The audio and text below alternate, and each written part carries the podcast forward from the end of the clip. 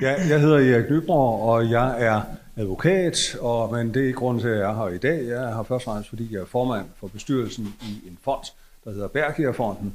Og Bergkjærfonden, den har til formål at udgive bøger, værker, kalder vi det, om øh, arkitekturemner. Øh, øh, det er den hovedformål i hvert fald, og øh, den hører til her i København, så det er jo meget naturligt, øh, at øh, fonden tog initiativ til udgivelsen af den bog, der kommer til at hedde København på lattergas. Um, inspirationen uh, til bogen uh, fik jeg simpelthen uh, en dag, hvor jeg igen fortvivlet gik ned i Nyhavn og tænkte, hvor jeg har hæsligt. Uh, her har jeg ikke lyst til at være. Uh, og hvor er det ærgerligt, at denne meget, meget smukke række af typiske københavnske huse er fuldstændig ødelagt af en øh, café- og restaurantsæthed, af markiser, der smadrer hele facaden, og så en strøm af helt ligegyldige turister, der møller op og ned ad gaden. Her har jeg ikke lyst til at være. Nå, med det øh, gik jeg så og brokkede mig lidt over til mig selv, øh, indtil jeg fik den tanke, at jeg jo havde denne udmærkede fond.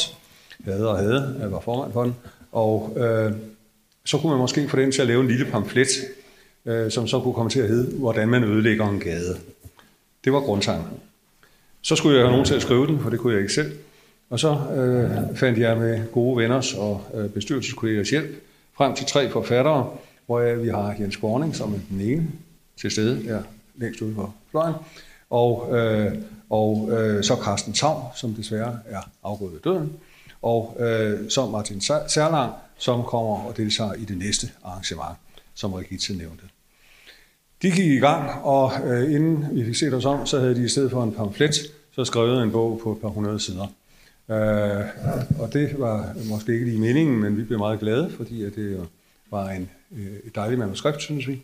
Så vi fik en fotograf på og fik den udgivet. Og øh, den udkom, øh, jeg tror det var den 11. eller 10. eller 11. marts øh, 2020. Og den havde den øjeblikkelige effekt, at masseturismen forsvandt. Og nattelivet ret kort tid efter ophørte med at eksistere. Og så var missionen jo ligesom lykkedes. Uh, nej, det var den ikke. Og her skal jeg også sige, at uh, jeg, uh, jeg elsker nattelivet. Jeg er en meget, meget flittig bargænger, uh, og uh, uh, så jeg er bestemt ikke en, en nattelivsbekæmper som sådan. Uh, det natteliv, jeg ikke kan lide, uh, og som jeg synes er skammeligt, det er det, vi kan se i Indre By. Jeg går aldrig i byen, jo ud og spiser nogle gange, men ellers er det altid i brugkvartererne eller andre steder. Ikke Indre By, der er uudholdeligt at være. Det er banalt, det er kedeligt, det er grimt, det er dumt. Nå, og det er forfærdeligt ensartet. Øh, nu skal jeg passe på at ikke gå for langt i det her. Øh, deltagerne øh, er her, øh, som sagt, og øh, måden er den, at hver deltager får et lille indlæg og præsenterer sig selv og komme med en grundholdning, eller hvad man nu synes, til emnet. Og rækkefølgen bliver, at øh, Jens Kvorning som forfatter er den naturlige startperson, og så kommer Søren Rud, som er formand for øh, Nørre Kvarters Beboerforening. Så kommer Anne-Sophie Allard, som er forfatter og debattør. Og så kommer øh, Jeppe. Øh, Jeppe, nu skal jeg lige have dit fulde navn, Jeppe, sorry. Øh, men øh, Møllerhersken, det er sådan, det er, ja. Som er visdirektør i øh, Danmarks øh, Restauranter og Caféer. Og øh, vi kører lige det igennem med disse indlæg, og så øh, åbner vi lidt for kommentarer, spørgsmål og indlæg fra salen, og så tænker vi, at vi holder en lille pause, og så fortsætter den almindelige debat. Øh, jeg tror, det er bedst for at få det afviklet, at vi kører øh, alle indlæggene uden indskud undervejs, og så tager debatten og indlæggene fra salen bagefter. Så velkommen og god debat til jer alle sammen. Og værsgo Jens. Tak. Øh, det var jo i forlængelse af det, jeg lige har sagt, ret åbenlyst, da vi blev bedt om at gøre det her, at, at det startede med en kærlighed til København og et ønske om at passe på København, men også at der tydeligt lå en opfattelse af, at det var ikke altid, vi var gode til at passe på København.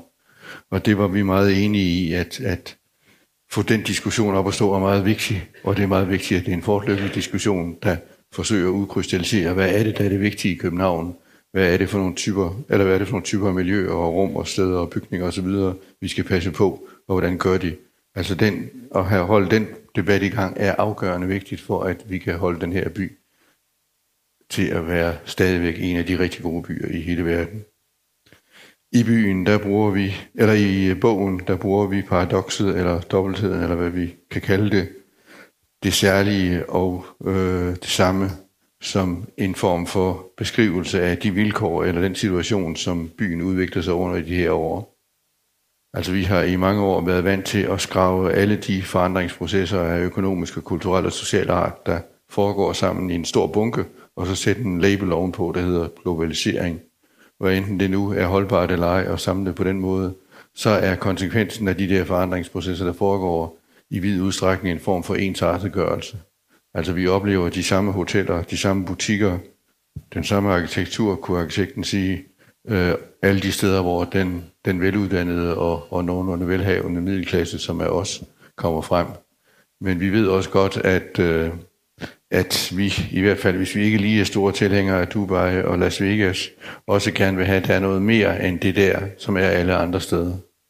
Og det betyder jo altså, at det der, vi kalder det særlige, bliver meget vigtigt, og at spørgsmålet om at føre en, en kløgtig og en anstændig bypolitik i høj grad handler om at lokalisere det særlige, altså identificere det særlige ved København, og finde ud af, hvordan holder vi fast i det, og hvordan løfter vi det ind i en fremtid. Det bliver i mine øjne, eller i vores øjne, overskriften for en progressiv og nødvendig bypolitik. Altså vi skal kunne beskytte de særlige miljøer, og som byen rummer i både fysisk, kulturel og social forstand, og vi skal kunne løfte den ind i en fremtid, altså bruge den på nogle nye måder, som respekterer deres øh, særlige identitet, men som også gør den til noget nyt. Og det er så i den forbindelse, at det, jeg vil kalde det voldsomme, eller vi kalder det voldsomme natteliv, det faktisk er en af truslerne mod i hvert fald nogle af de særlige miljøer, vi har som burde beskyttes. Og vi påstår med noget, nogen nok vil se som en lidt hurtig generalisering, men jeg vil gerne stå ved den, hvis der er nogen, der vil angribe den, at Indre By er blevet mere og mere fladtrådt og banaliseret af standardkoncepter, og det gælder både natteliv og butikker, og det særlige, det kan efterhånden kun finde sted uden finde rum eller finde plads uden for centralbyen i brokvartererne, og så i nogle få af de hidtil upåagtede områder, som Retssaleøen, DSB Centralværksted og så videre. Altså det var det samme, Erik lige rundede her, at det er derude, det nye kan ske. Og det øh, er jo i høj grad et krisetegn for det centrale København, og noget vi må interessere os for. De steder, hvor nattelivet klumper sig sammen, der sker der så det i hvert fald i de, de største klumper, at næsten intet andet kan overleve. At der er ikke nogen, der kan holde ud og bo der, og det er faktisk også vanskeligt for andre funktioner at være de samme steder, fordi der udvikler sig entydigt så endimensionale miljøer, at det er meget vanskeligt for andre at være der. Og det er de der ophobninger og forfærdelige sammenklumpninger, brølende sammenklumpninger, som vi kalder dem, som skaber nogle meget grove og endimensionale miljøer, som, er, som ikke er koblet til byens dagligliv i øvrigt. Og det er så en anden øh, tese eller en anden, et andet synspunkt, at det er koblingen, den delvise kobling mellem byens forlystelsesliv og dagliglivet, som skaber det spændende og det særlige. Det er der, at, at der, der er noget særligt at komme efter, i den udstrækning, vi kan få de her øh, ting omkring natteliv, der øh, forlystelsesliv til også at koble sig til dagliglivet. Det er der, at vi, vi får en særlig tone og nogle særlige miljøer. Så det er det, man burde gå efter, efter vores mening. Men det er jo klart, at, at caféen og restauranten, det sagde jeg ikke også, caféen, restauranten og senere natklubben i mange hundrede år har været defineret for den store bys identitet. Altså det har ligesom været det afgørende for, at, at man så den store by som metropol, som noget, der kunne skabe en metropolistisk atmosfære, at der var de her funktioner. Så det er jo ikke et spørgsmål om, de ikke skal være der, men det er et spørgsmål om, hvordan de skal være der, vi skal diskutere i den bypolitik, som forhåbentlig kan rette op på de, nogle af de her ting. Altså caféen, restauranten og natklubben har jo også altid været i København, og de centrale bydele har altid været målt for mange gæster i både, både gæster, der kom fra hele byregionen, og nu måske også mere og mere fra hele, hele verden. Og sådan skal det selvfølgelig også fremover være, men spørgsmålet er altså, om hvordan vi arrangerer os. Når de her ophobninger de bliver så voldsomme og brølende, som vi har set dem de sidste 25 år, så underminerer de efter vores påstand byens kvalitet og diversitet. Den gør den meget indimensionel, og den gør den meget, meget uinteressant i det lange løb så kunne man tillade sig en sur politisk bemærkning måske, fordi at jeg synes, det var opsigtsvækkende, da det første oplæg omkring øh, en vis form for regulering af nattelivet kom her for, jeg kan ikke huske, når det er et år siden eller sådan noget, at der var de to topkandidater fra henholdsvis enhedslisten og Socialdemokratiet til overborgmesterposten, de var lynhurtige til at tage afstand. Altså man kunne høre, at det var farligt det her. De var, de var simpelthen ude dagen efter at sige, nej, nej, nej, vi vil slet ikke blande os. Og det går at de er blevet klogere senere, men det var meget, meget karakteristisk, at, at det her, det er, det er varmt, det er hot, det er svært. Og det synes jeg var, var lærerigt, og også ved at holde øje med, hvordan de egentlig, de egentlig opfører sig fremover på det der felt. Der har også været den påstand fremme i den debat, der har kørt, at, at København nærmest går ned over hjem og, øh, og mister en hver international interesse, hvis vi ikke holder vores natteliv ved lige på det niveau, og med det store brøl, vi har i øjeblikket. Og jeg vil jo så kigge til Barcelona, som jeg har studeret og været i rigtig mange gange i de sidste 30 år, at øh, der har man faktisk i vid udstrækning lukket de fleste ting kl. 12 eller 2. Der er ganske få, øh, der er ganske få, der har en natbevilling. Men Barcelona, som har en af de tungeste turistøkonomier i hele Europa, de lukker faktisk kl. 2 i det store hele. Det vil I også vide, hvis I dernede, at den bliver enormt tom kl. 2. Så det er altså ikke, der er i hvert fald ikke nogen simpel relation mellem de lange åbningstider og de store brøl, og så en turistøkonomi, som det er blevet fremført i den her debat. altså vi har jo kaldt bogen Lattergas, og det refererer selvfølgelig til, eller København på Lattergas, og det refererer selvfølgelig til, eller meget direkte til, at ophobningen af lattergaspatroner er noget, der kan ses mange morgener efter, at det har gået løs i de store ophobninger. Og det er så også øh, blevet til en formulering, der hedder, at, at øh, byen er blevet udtrykt for en, en opstemt vægtløshed, der er typisk for den atmosfære, man tilrettelægger i Indre By.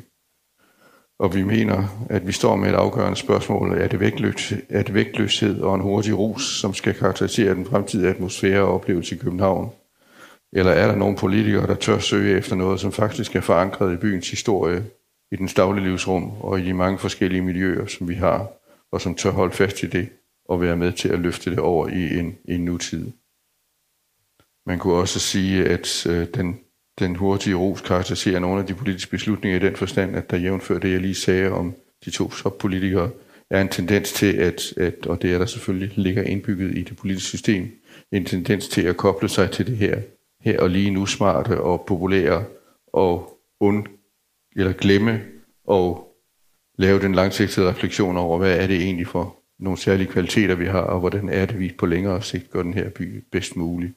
Og det skulle også gerne komme ud af at holde den her debat ved lige, at der kom en mere nærværende debat om, hvad er det for nogle grundlæggende kvaliteter, hvad er det, der ligger i, i Københavns identitet og i dens historie, i dens historiske miljøer, som vi kan gøre til det særlige i København, og som vi også bliver, sætter os selv i stand til at løfte over i en, ny, i en, i en nutid, og dermed balancere det der, det samme og det særlige, fordi det samme, det er der som en, en vild kraft under globaliseringen, og derfor bliver spørgsmålet om at, at forstå det, vi har som det særlige, og få det til at blomstre, og få det båret videre, det bliver det helt afgørende for en, en, øh, en vellykket og anstændig, vil jeg sige det, øh, bypolitik.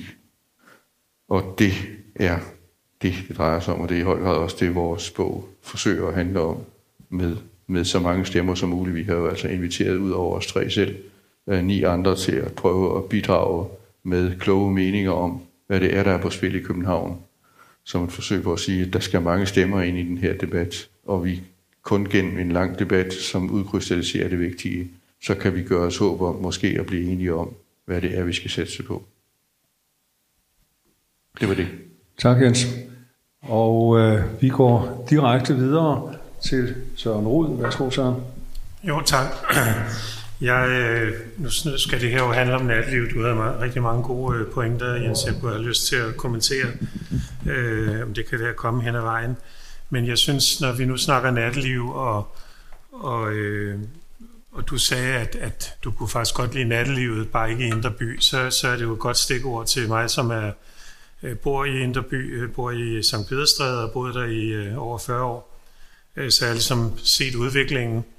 Og, øh, og derfor synes jeg, at vi skal definere også i den diskussion, jeg også har haft, og mange andre beboere har haft med, med, med Jeppe blandt andet, og, og både med restauratørerne og så videre, det er, jamen, hvad er det, hvad er nattelivet egentlig? Hvad er det for et natteliv, vi taler om?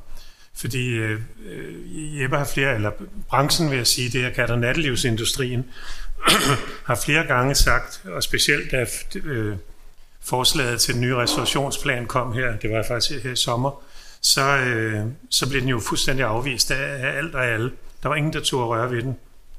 Øh, og, og, og natlivsindustrien havde en, en, en, øh, et spin, som jeg kalder det, som, som gik ud på dag 1 og sagde, de vil lukke hele København kl. 12. Alle steder skal lukke, og det var der jo ikke nogen, der synes var sjov. Det kan vi jo godt forstå.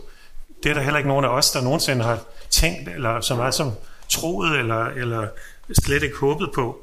Øh, så så øh, det, det, det, er sådan, det er den ene ting, så derfor definerer vi nattelivet, eller jeg nattelivet på, på det, der sker efter midnat. Altså det er, det er natbevillingerne, det er dem, de bar, der kan åbne til to, og dem, der kan åbne til fem. Og hvis I ikke ved det, hvis en bar har en, en bevilling til klokken 5 om morgenen, så kan den have et åbent døgnet rundt. I, I vores kvarter har vi flere barer, der har åbent til klokken 10-11 om formiddagen, og som, øh, hvor der står fulde og narkopåvirkede gæster ud foran hele, hele morgenen og chikanerer skolebørn på vej til arbejde osv., eller på vej til skole. Øh, det er meget, meget utrygt. Øh, vi har ikke noget mod rigtig gode restauranter. Vi, restauranter er ikke vores problem. Det, der er vores problem, er, at flere og flere restauranter har i de senere år øh, fået bevillinger for eksempel til to, men de lukker deres køkken kl. 11. Det vil sige, at kl. 11 bliver de til en bar, ligesom alle andre. Og selvom at det er et pænt øh, klientel på Dan Tyrell, så er jeg sikker på, at deres gæster også kan risikere at blive fulde øh, kl. 12 og 1, og ikke lige frem øh, tænker på, at der bor naboer. Men for lige at sige, hvad det er for en, en, en situation, vi egentlig er i, i Indre By, så kan jeg sige, at vi, øh, vi har dobbelt så mange bevillinger i Indre By, hvor der kun bor 40.000 mennesker. Øh, vi har dobbelt så mange bevillinger som hele Østerbro, hele Nørrebro, hele øh, Sønderbro, altså Amager, hele Nordvest, hele Valby, hele Brøndshøj og hele Vandløse til sammen.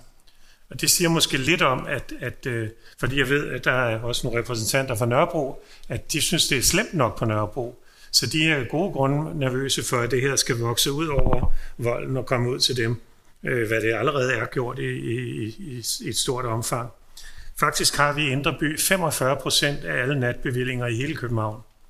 Øh, og det, det, det er dem, det, det, det de der, øh, og specielt som du har snakket om, Jens, øh, hvad skal vi sige, kvaliteten af barerne, at, at det, er, det er det, vi kalder 10 shots for 100 kroner øh, bar. Det, det, det er bar, der lægger op til, at man skal blive fulde, og man skal vælte rundt.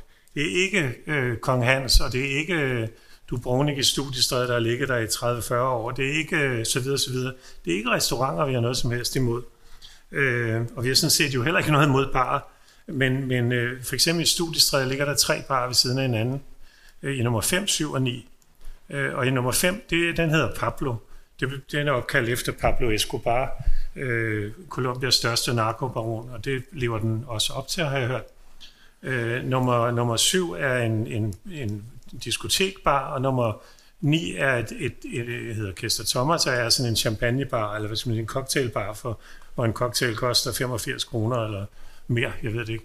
Øh, men øh, det er ikke, øh, altså Pablo, der er slåskampe, der, der er øh, høj musik øh, hele natten, der er folk, jeg har set en video af 15-20 unge, der er sniffer, apropos sniffer lattergas, de billeder, I har set, også fra bogen her, det er jo altså baby, øh, baby lattergas. I dag er de jo forbudt, så derfor har man så indført nogle lattergaspatroner, der er så store her, og som øh, måske specielt dem, der ikke øh, drikker spiritus, øh, nyder om aftenen. Og man kan se på den video, de tager, de sniffer, og så løber de rundt i gaden, og, og ser ud som om, de slår, slås, men det gør de egentlig ikke. De, de er bare helt tydeligt øh, høje på, på et snif.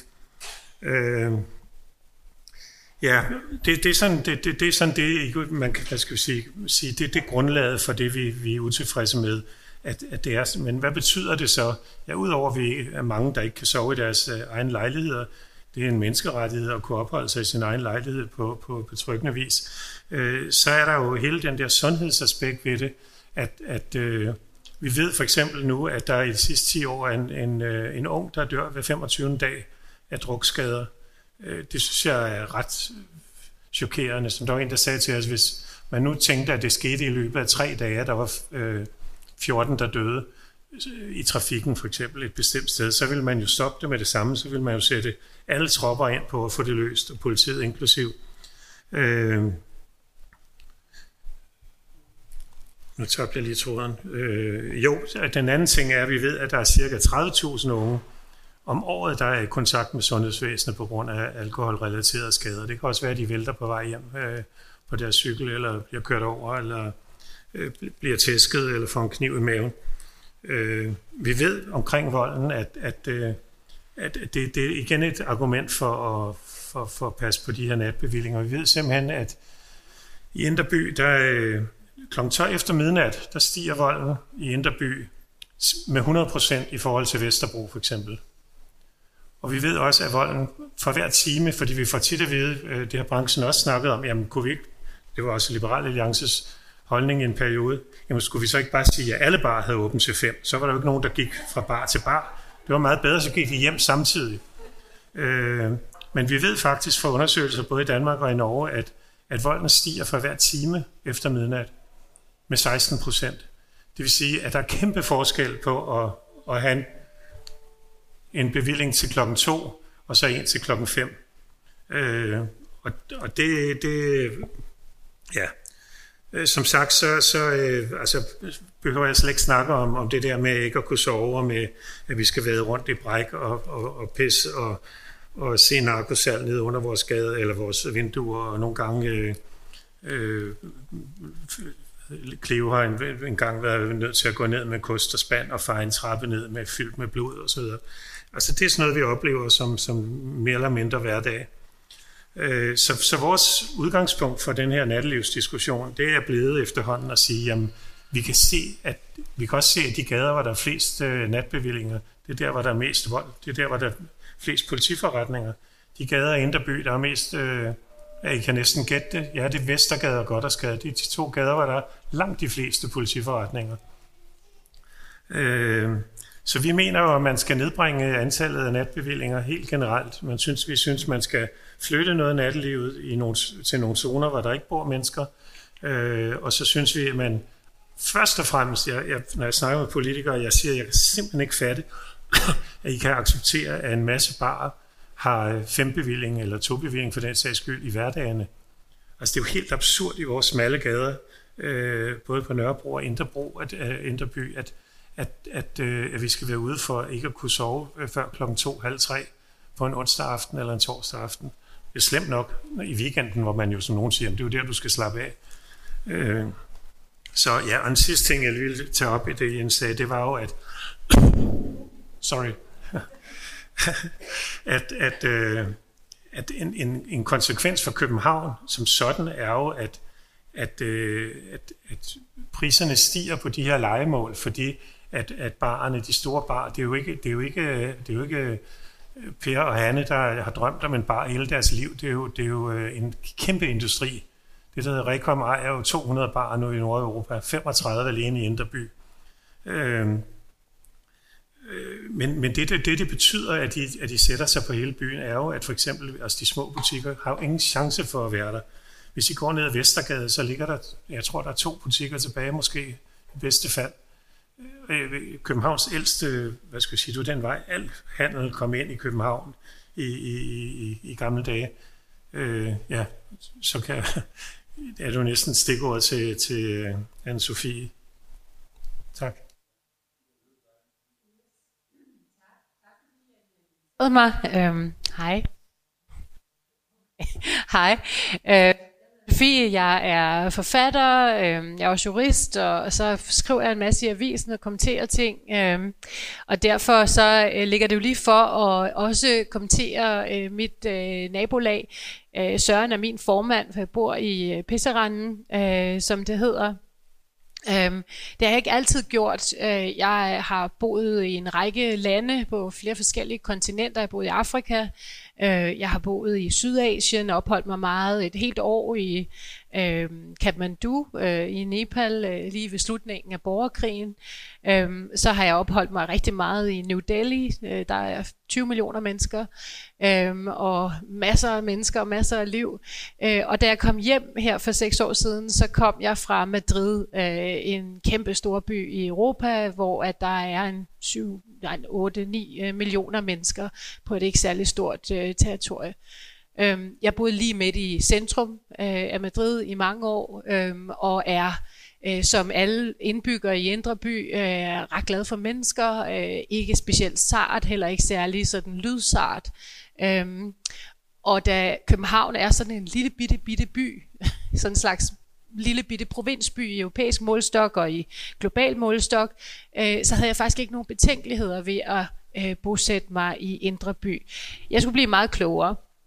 Øh, Københavns Indreby er jo smuk. Øh, I det hele taget København troligt smuk. Øh, der var en, der engang fortalte mig, at hvis nu Prag og Amsterdam fik en baby, så ville det være København helt sikkert om dagen. Øh, og når solen skinner, er det en utrolig smuk by. Der er, øh, og Indre By er også enormt charmerende. Øh, mig og Søren plejer at mødes øh, på den lokale café om morgenen, og sammen med nogle af de andre naboer også, så kan man lige vende verdenssituationen. Øh, og det er dejligt at lugte kaffe og se alle de handlende for deres varer leveret osv. i Indre By. Der er rigtig meget godt øh, om dagen så er det som om, at det hele ligesom ændrer sig om aftenen. Øhm, jeg har øh, spansk familie, det var derfor, jeg boede dernede. Øh, min børns øh, bedstemor, hun kan godt lide at underholde om, hvordan vi er, os danskere. Og som hun siger, hun, vi sad under påsken, og sad vi ved sådan et rigtig dejligt påskebord, med hele familien bænket nede ved en pool i Madrid, og så fortæller hun, så siger hun, ja, det er sjovt med de der danskere. Om dagen, så er de bare helt stenansigtsagtige, og de siger ikke rigtig hilser ikke på hinanden, og de går bare, og, øh, og så sker der altså noget om aftenen. Lige pludselig er de halvnøgne, så er de røde i hovederne, så står de og råber, øh, og så øh, tisser de, siger hun så, mere end de tisser. Øh, og så tænker, tænker alle de der pæne øh, borgere der i Madrid, de tænker, ah, gør de det? Ja, de tisser over det hele. Og så kommer trumfen, i vomitan. Og det er nemlig rigtigt de kaster op over det hele. Og det ved alle vi, der bor i Indre By. Når man træder ud om morgenen en øh, weekend, for eksempel en fredag, lørdag, søndag, så ved man, at man skal lave et meget stort skridt, fordi ellers så træder man i opkast. Det er helt fuldstændig etableret. Det er nærmest en slags naturregel. Men som hun siger, ja, de drikker så meget, de kaster op. For ikke så lang tid siden, så gik mig og min søn, øh, vi havde været nede og købe ind, på vej hjem øh, til vores lejlighed, og så en mand øh, ligge på øh, alle fire og kaste op øh, på fortorvet. Øh, ungen var, var lidt overrasket over at se, øh, altså trods at være ret hærdet, sådan lidt overrasket over at se en voksen mand i den forfatning.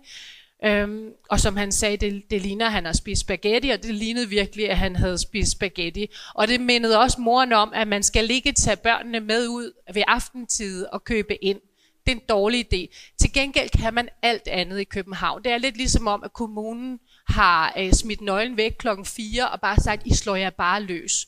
Der er ikke nogen regelhåndhævelse, der er utilsløret narkohandel, der er råben og skrigen, der er, altså, det, det er som om, at vi har sådan en national øh, nostalgi i, at i det mindste kan vi tage ind til Indre By, og så kan vi gøre hvad fanden vi vil. Så kan vi skide mellem to parkerede biler, vi kan smide knus glas efter hinanden, vi kan rave på de der småpiger, der ikke kunne drikke de der 10 shots for 100 kroner.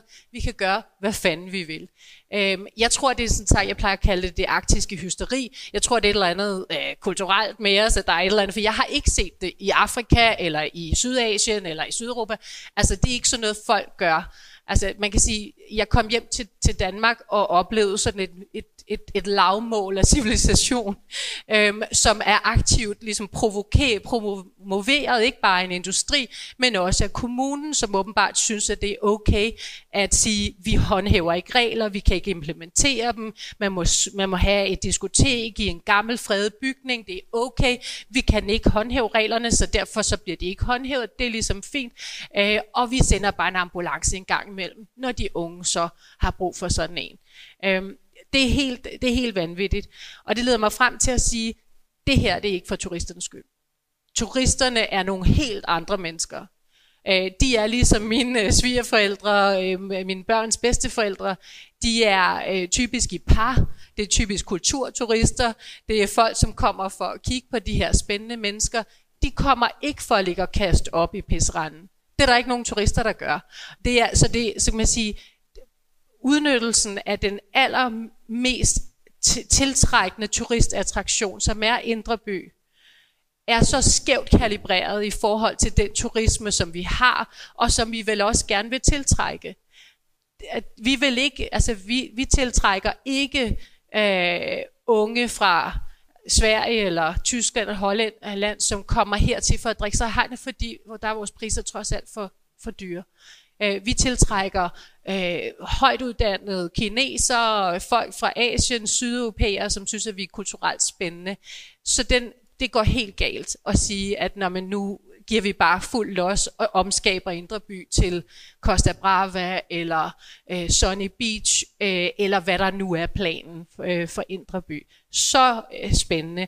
Og det, der er lige så spændende, det er, da, vi boede i, da jeg boede i Madrid, der skulle øh, for beboerforeningen bare vippe med ørerne, og så fik vi to timers audiens hos, den, øh, hos overborgmesteren. Øh, her, der kan vi ikke komme i nærheden af det politiske niveau. Jeg tror, du snakker lidt med nogle af dem, men vi er ikke i nærheden af øh, den slags opmærksomhed. Tværtimod, det jeg oplever er en slags foragt øh, for, for kommunen, i hvert fald en, en meget stor uinteresse i, hvordan det er øh, at bo i Indreby. Jeg synes, at, at kommunen burde interessere sig mere for hvad der ville ske, hvis der ikke var mennesker i Indreby. Fordi det, der, det som, øh, som, som du øh, siger, Jens, meget klogt, det er, at jo mere individuelt, jo mere Sunny Beach det her bliver, øh, jo mindre charme øh, er der tilbage, og jo mere bykulisse. Øh. Og med det vil jeg øh, sige, at der hvor jeg bor, der har vi faktisk fået noget ud af at diskutere det her med Rekom, øh, som er det her, den her store drukindustrielle kompleks øh, organisation. De har været ret søde og velkomne egentlig, og vi har rent faktisk opnået nogle resultater ved at diskutere det her med hinanden. Vi har fået zero, ingen hjælp fra kommunen. Og så er Jeppe Møller Erskin, så er du så du er, vi har pakket panelet lidt hårdt, vil jeg sige. Og det synes du alligevel? Ja, det synes jeg, ja. Okay. Men øh, du, øh, du får lidt ekstra taletid, hvis du har brug for det. Hvad hedder det? Jamen, jeg hedder Jeppe Møller Herskin, og jeg er vicedirektør hos den brancheorganisation, der hedder Danmarks Restauranter og Caféer. Det er en organisation, som repræsenterer Rekom og alle de andre nattelivsvirksomheder i København og andre steder i Danmark øh, caféer, restauranter, alt fra den familiedrevede restaurant til den store Michelin-restaurant og overnatningsvirksomheder og alt det midt imellem. Så, så det er sådan en bred skare inden for den branchekode, som, som jeg hjælper. Og jeg hjælper dem både med politisk interessevaretagelse, øh, jeg hjælper dem med jura, jeg hjælper dem med arbejdsret, alt hvad der ligesom udspringer af, af det at drive, drive restauration. Øhm. Jeg er uddannet jurist. Jeg sidder som observatør i Københavns Kommunes bevillingsnævn, jeg deltager i Samarbejdsforum for Natteliv sammen med Søren, og har i snart 6-7 år haft, haft mange gode diskussioner omkring, hvordan vi, vi løser problemerne i nattelivet, fordi dem anerkender vi også hos os, at de er til stede.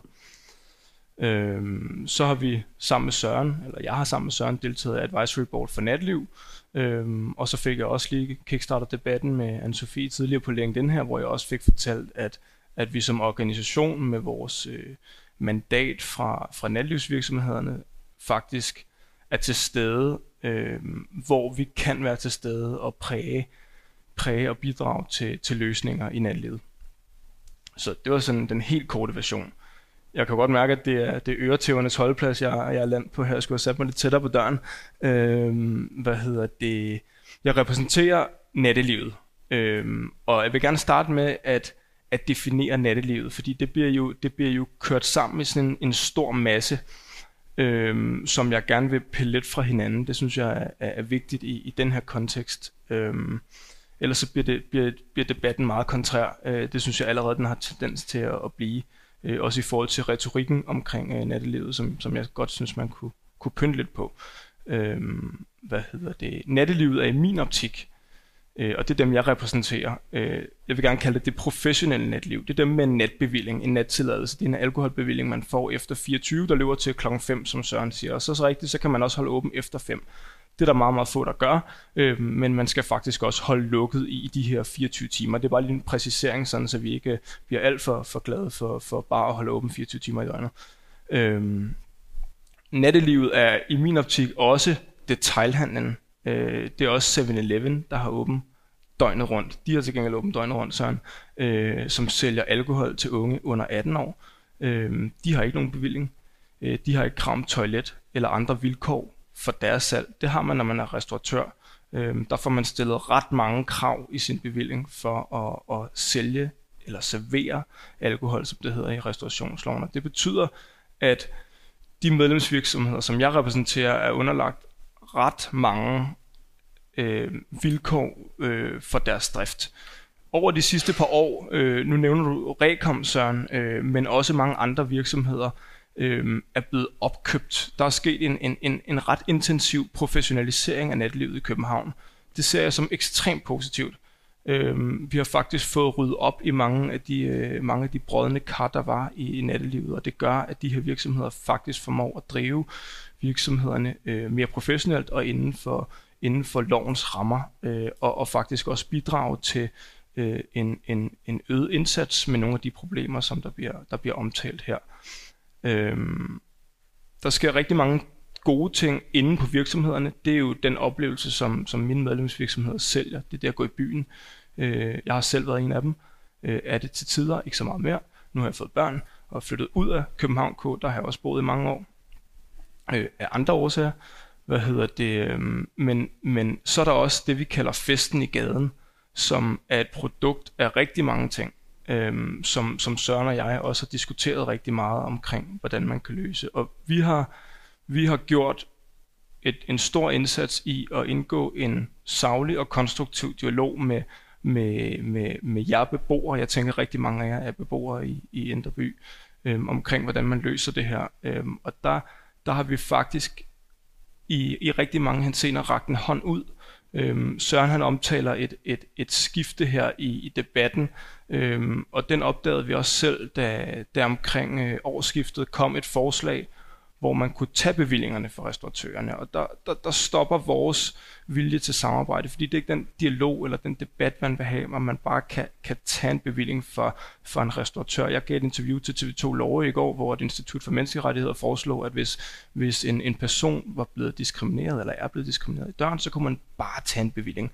Det er den helt forkerte retorik omkring en virksomhed, for hvis du bare begynder at tage bevillinger for det, så har, ender vi i den stik modsatte situation, så tør folk ikke afvise en i døren, og så får vi et utrygt natliv. Vi er lige blevet kåret som, som den sikreste by i København, fordi vi har nogle vilkår på restaurationerne herunder blandt andet dørkontrol, som gør, at vi kan drive vores virksomhed. Men der sker også en masse ting, som vi gerne vil blive bedre til. Og det er det, vi rækker hånden ud til beboerforeningerne, Indre Bys beboerforening, Strædernes beboerforening. Det er der, vi mødes i samarbejdsform for natliv og drøfter løsninger. Men, men, men jeg må ærligt talt sige, at på vegne af mine medlemsvirksomheder er jeg noget skuffet over det mandat, I har i beboerforeningerne, øh, og den måde, I bruger det på, fordi, fordi vi sidder vi sidder lige over for hinanden, og vi har alle muligheder for at snakke helt konkrete løsninger, helt ned til, hvad sker der, når man åbner døren.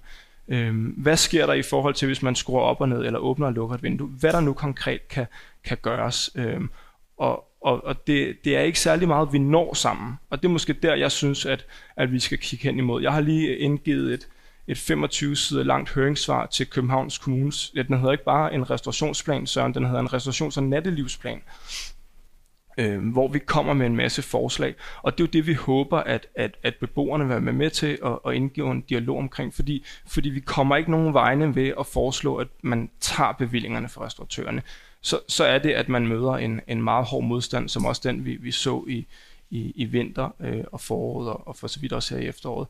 Øh, vi kommer videre med, med den her nattelysstørrelse ved at snakke sammen omkring, hvordan vi løser de her problemer.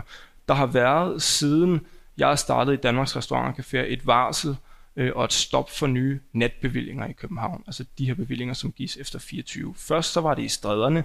Øh, jeg kan ikke huske så mange øh, udvalgte gader, sådan det kan du garanteret. Øh, og nu er det så kommet i, i hele middelalderbyen. Det vil sige, at der gives ikke flere nattilladelser i middelalderbyen nu. Det stop. det gør der under en, øh, en konkret og individuel vurdering, fordi det skal man. Man kan, ikke, man kan ikke bare sige stop. Og det betyder, at der er givet mig bekendt, nu må jeg rette mig, I kender sikkert tallet, fire nattilladelser øh, øh, over de sidste fire år. En af dem er Dan Tyrell, øh, som har fået en, øh, natbevilling til kl. 2, tror jeg.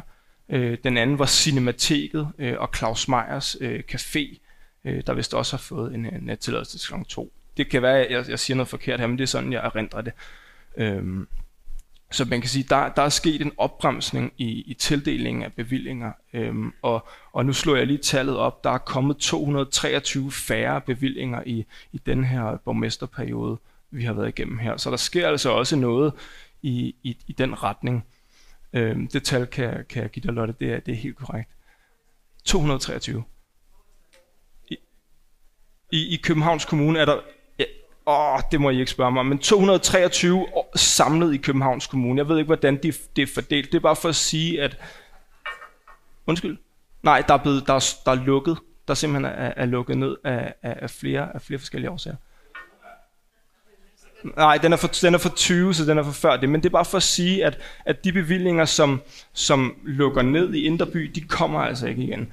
Øhm, så, så, så det er jo sådan, det er sådan vores platform, en, en, en udstrakt hånd til, til, til dem, der interesserer sig for at, at ændre på det bestående, øh, øh, løse problemerne i fællesskab og have en konstruktiv og savlig dialog, hvor at retorikken ikke er pisslort bag og bræk, men måske, hvad, hvad kan vi gøre i fællesskab for at afhjælpe nogle af de, de gener, I oplever? Fordi det vil nattelivsvirksomhederne rigtig gerne hjælpe med. Det ved du også selv, Søren, det har vi rigtig mange gode snakker om. Tak. Ja, mm. så nåede vi runden igennem, og jeg tænker, at øh, vi lige åbner lidt op for debatten fra salen, inden vi tager en kort pause, så man kan hente sig en kop kaffe eller hvad man vil. Så øh, hvis man markerer, og nu tror jeg lige, vi tager et par kommentarer fra salen, inden I eventuelt begynder at øh, svare sammen eller tale til hinanden indbyrdes. Så øh, hvem ønsker ordet? Ja, værsgo. Vil du, vil du, vil du,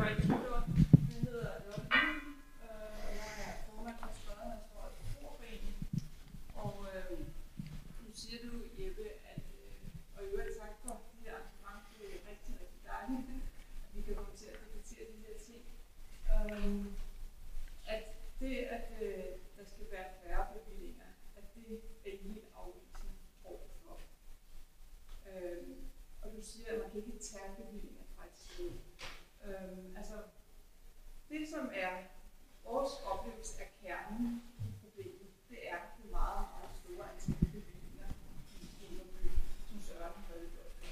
Det er kerneproblemet. Alt, hvad der ellers bliver sagt øh, med... Nå, okay. Nå, okay. Det, som øh, bliver sagt omkring øh, tis og bræk, og vi kunne også nævne muskelbiler, vi kunne nævne alle mulige andre ting omkring det, det er afledte problemer af det meget store antal bevillinger. Så derfor så kan man selvfølgelig godt begynde at symptombehandle på alle de der problemer, der er hernede. Øh, spule noget mere, flere natteværter, flere alt muligt kan man gøre.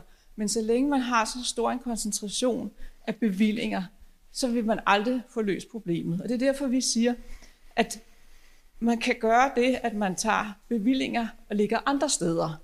Det behøver ikke at være, at der skal være færre, du skal have færre øh, i din øh, organisation, men de behøver ikke at ligge alle sammen inde i Inderby med den meget store koncentration, der bliver. Man kan gøre rigtig mange ting, hvis der bliver et tilstrækkeligt øh, langt varsel.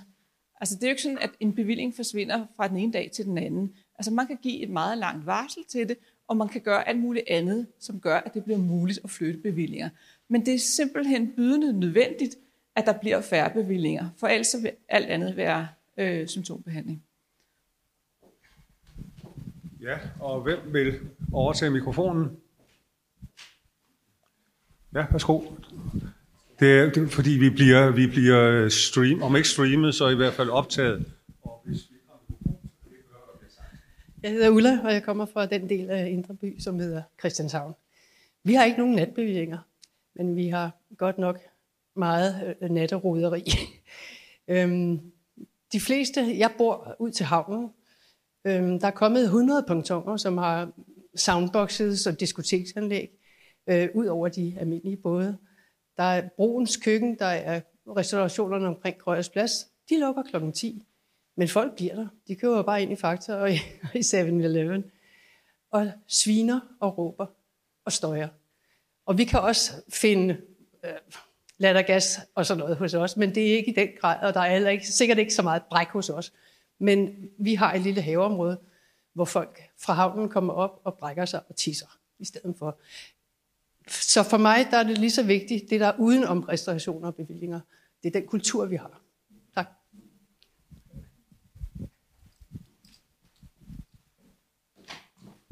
Og tak. Og hvad, ja, du beder om ordet der. Du får mikrofonen.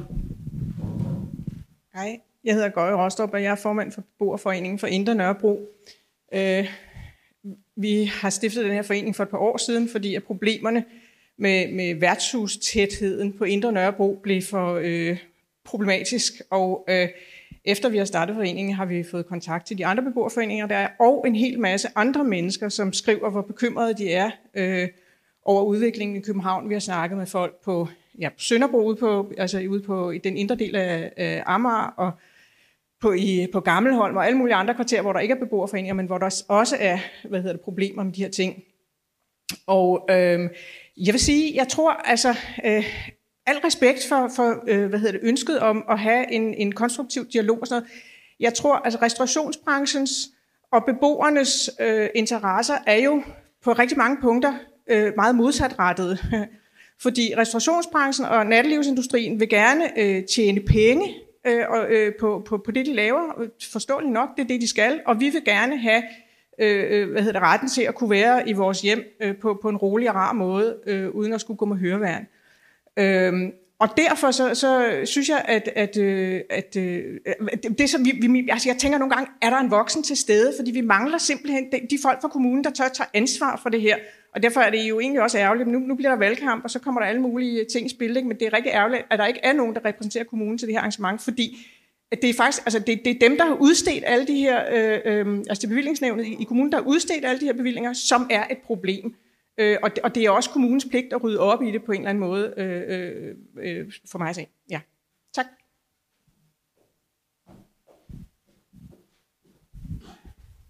Ja, og Jeg hedder Tommy Roland, og øh, jeg repræsenterer Københavnerlisten. Københavnerlisten stiller op til øh, kommunalvalget, og en af de øh, mærkesager, vi har, og noget, vi gerne vil kigge på, det er øh, hele det her natteliv i Indre By, som er stukket af. Øhm, og øh, jamen, det er nok et spørgsmål til Jeppe. Øhm, dialog, øh, det vil vi rigtig gerne have.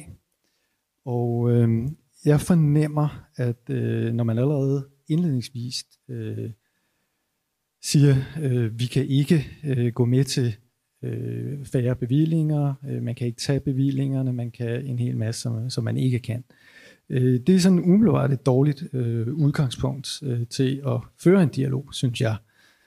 Øh, men kan du ikke prøve at forklare, hvad er baggrunden for, øh, du sidder selv, siger du, som observatør på øh, det med bevillingerne. Hvad er det, der er sket? Fordi der er ingen tvivl om, at antallet af bevillinger, som der er givet øh, over årene, er steget kraftigt, og det er også det, der gør, at der er store problemer i dag. Så hvis man skal have en løsning, så er det nok antallet af bevillinger, man skal kigge på, og der er man jo nødt til at have en medspiller i form af øh, restaurant, øh, altså selve industrien, der står for det. Øhm, og så tænker jeg også, at øh, når du kører for stærkt, så får du et klip i kørekortet. Øh, kører du meget for stærkt, så får du taget din bil. Og jeg kunne godt øh, tænke mig, at vi ser på måske nogle af de samme løsninger der. Øh, hvis man overtræder de regler, der er øh, et antal gange, så får man nogle klip. Øh, og hvis man stadigvæk ikke kan finde ud af det, så får man taget sin bevilling. Og det kunne være noget af det, som man kunne gå i dialog om. Tak. Ja, så tror jeg, at Jeppe får ordet direkte, og så tror jeg, at vi holder, fordi vi skal slutte klokken halv ni, så vi har ikke så meget tid, så vi skal nå en pause og så videre. Så tror jeg, at Jeppe får ordet nu, og så holder vi en lille pause, og så fortsætter vi debatten derfra. Kan jeg ikke... Ja. din egen, selvfølgelig. Tak. Jeg tror faktisk, de har en, en klippekortsordning i, i Norge, for det ikke skal være løgn. Øhm, Men, øh, men, men for, for at give en, en replik på det her med, med bevillingerne, så, så er det jo ikke sådan, at man ikke kan miste sin bevilling. Det kan man, det kan man i den grad godt. Men, men udgangspunktet for at løse problemerne er, at der skal være færre bevillinger fra vores stol, så bliver, det, så bliver det svært at have en dialog, fordi vi mener ikke, at det er det, der løser det. Øh, vi repræsenterer nogle, nogle mennesker, der rent faktisk har, har startet en virksomhed og et levegrundlag øh, ved at drive, drive restaurationsvirksomhed. Så, så det er jo dem, vi passer på. Øh, så derfor så har vi også det helt alt overvejende udgangspunkt, at, at, at snakken starter ikke med at tage bevillingerne. Vi mener derimod, at, og, og det tror jeg, vi kan blive enige om, at, at ressourcerne og, og, og tilgangen til at, at, at arbejde med restaurationsbranchen er, kunne være meget bedre fra kommunens side. Øh, man kunne stille mange flere ressourcer til rådighed øh, til nattelivet, ligesom når FCK og Brøndby spiller fodbold i parken, så er der dækket op med toiletter og, og politi og siger ikke, at det er sådan, at nattelivet skal, skal se ud, men man kunne give, nogle, man kunne give nogle, nogle, nogle ressourcer til nattelivet i form af skraldespanden og flere offentlige toiletter og, og, og en bedre måde at, at være i byrummet på om natten. Øhm, det mener jeg helt klart. Øhm, vi har medlemsvirksomheder, som går og rydder op på de gader, de har, de har bevillinger på, Øh, det er ikke deres egen ting, de rydder op efter, det er detaljhandlen, de rydder op efter. Du kan ikke få en, som udgangspunkt i hvert fald, det kan godt være, at der er undtagelser, men det er meget svært at få en flaske eller glas eller, eller noget andet med ud fra en natklub. Øh, Øh, så meget det, I ser i, i gaden øh, om morgenen, det er ikke for, for restaurationer som udgangspunkt. Det kan godt være, at der er nogen, der brækker sig, det skal jeg ikke kunne afvise, men, men det er for at sige, at der er andre aktører i nattelivet end, end kun restaurationerne. Så der skulle man kigge lidt bredere på, på løsningen. Øh, der gives ikke særlig mange, øh, øh, som vi også snakkede om før, nettilladelser i, i Inderby. Jeg mener, det var fire. Øh, to. 12. 12. Øhm, så, så det er forholdsvis lidt på få år, og man, man har på den måde også bremset en udvikling i, i København, fordi det er ikke bare nattelivsvirksomheder, der ikke får en bevilling, det er også restauranter, øh, som ikke får en bevilling. Øh, der er masser af restaurationskoncepter, hvor konceptet er, at man også bliver siddende bagefter, som der bliver nævnt øh, øh, og også hvor man spiser efter 24. Det, det, det er vi rigtig kede af, at man har stoppet den udvikling. Øhm, så så, så det, det, vi mener, man kunne, kunne se væsentligt mere nuanceret på det, også fra kommunens side, og, og stille væsentligt flere ressourcer til, til rådet. Vi, vi har også prøvet at arbejde med at, at få løsninger. Vi er medfinansierer, eller vi medfinansierer de her netteværter, som, øh, som vi har foreslået nede fra, fra Amsterdam af. Det er der også nogle af vores medlemsvirksomheder, der gør, og det, det er en af de løsninger, vi ser på, på problemerne i gaden. Der er mange andre, det har vi også foreslået i vores, øh, vores høringssvar, men, men det er for at sige, at, at der er mange andre løsninger end at tage bevillingerne fra, fra restauranterne. Øh, ja. Jeg havde bare lyst til at sige flere ting. Det er selvfølgelig kultur. Øh, her i Danmark der har, får vi at vide, at, vi, øh, at der ikke er nogen forhindringer. Øh, og i den her by øh, særdeles, i særdeleshed, der har man en kommune, der siger, der er ingen problemer, I fyrer den bare maks af med jeres soundboxe, med jeres uh, Med in Black uh, demonstrationer, med jeres uh, altså, natteroderi uh, i besørger på offentlig gade. Der er ingen, der kommer efter jer. I gør, hvad I vil. Det, det er den politiske kommunikation til unge og til gamle. Der er også masser af gamle, som render rundt og øh, er, er meget væk øh, i, i der, hvor jeg bor i Indreby. Øh, det er bestemt ikke kun de unge. Hvad der er fælles for dem, det er, at de alle sammen danske. Altså, det er ikke sådan, at der kommer nogle turister for at rave rundt sådan der. Det gør de ikke. Det er danske, altså det er et dansk problem. Og det kan man også se i andre hoved, hvis hovedsteder. Nu blev der Amsterdam nævnt. Jamen i Amsterdam, der har man været ude og sige, prøv lige at høre, øh, vi har en kampagne her. Det er sådan set øh, kun et segment, vi er interesseret i at snakke til. Det er hollandske og engelske mænd mellem 16 og 34. Det er jer, der er problemet. Øh, det er jer, vi gerne vil snakke med. Og I skal bare vide, kommer I, står I og råber på offentlig gade, smider I ting, øh, skider I, øh, tisser I, ja, så får I en bøde. 150 euro. Og det, og, det, og det er jo ikke svært, altså når man ser parkeringskorpset ikke, af, af København, som altså ligner en tanke, man tager alle parkeringspladserne væk, sørger for, at der er alt for mange overskydende biler, øh, så kan folk ikke parkere, så bliver de nødt til at gøre et eller andet, fordi de har en aftale, så sætter de bil, og så vanker der en bøde, ikke? fordi at der står nogen på hvert gadehjørne. Det kan kommunen finde ud af, også fordi det måske er en god forretning. De kan ikke finde ud af at gå ud og sige til en person, der står og, og, og pisser i en port, at øh, der vanker faktisk, og det gør der jo sådan rent øh, lovgivningsmæssigt, en bøde på 100, 1.500 øh, kroner. det, den, den slags ordenshåndhævelse øh, gør, gør man det ikke i. Så der er bare kaos. Kommunen smider nøglen væk. Det er fint, der er fri udfoldelse. Når, når vi så har, og det eneste vi sådan set siger, det er, at vi vil gerne have reglerne implementeret. For der er jo beskyttelsesregler. Noget af det mest mærkelige i København, altså jeg har boet i, i Madrid, kæmpemæssig millionby, som sagt før, øh, 8 millioner mennesker, millionvis af besøgende hver år. Der har man det ord, der hedder bordelion. Det er, at man står sammen og drikker. Det er forbudt. Så der kan politiet simpelthen bare sende dig hjem. Øh, og det er fordi, man øh, egentlig tager hensyn til de gamle mennesker, som overlevede borgerkrigen osv., som har været i diktatur, de har egentlig lidt nok, øh, og, og man øh, vil gerne have en eller anden form for by, der også er til at leve i. Øh, det er jo en, kan man sige, en, en, et bystyre, som er interesseret i trivsel. Øhm, og det oplever jeg simpelthen ikke, København er. Men noget af det mest pussy ved, ved Københavns Indre By, det er, at øh, der ikke er forskel på at have en moderne bygning og et diskotek i kælderen, og så have en gammel fredet bygning, og så et diskotek på første sal eller på stueplan.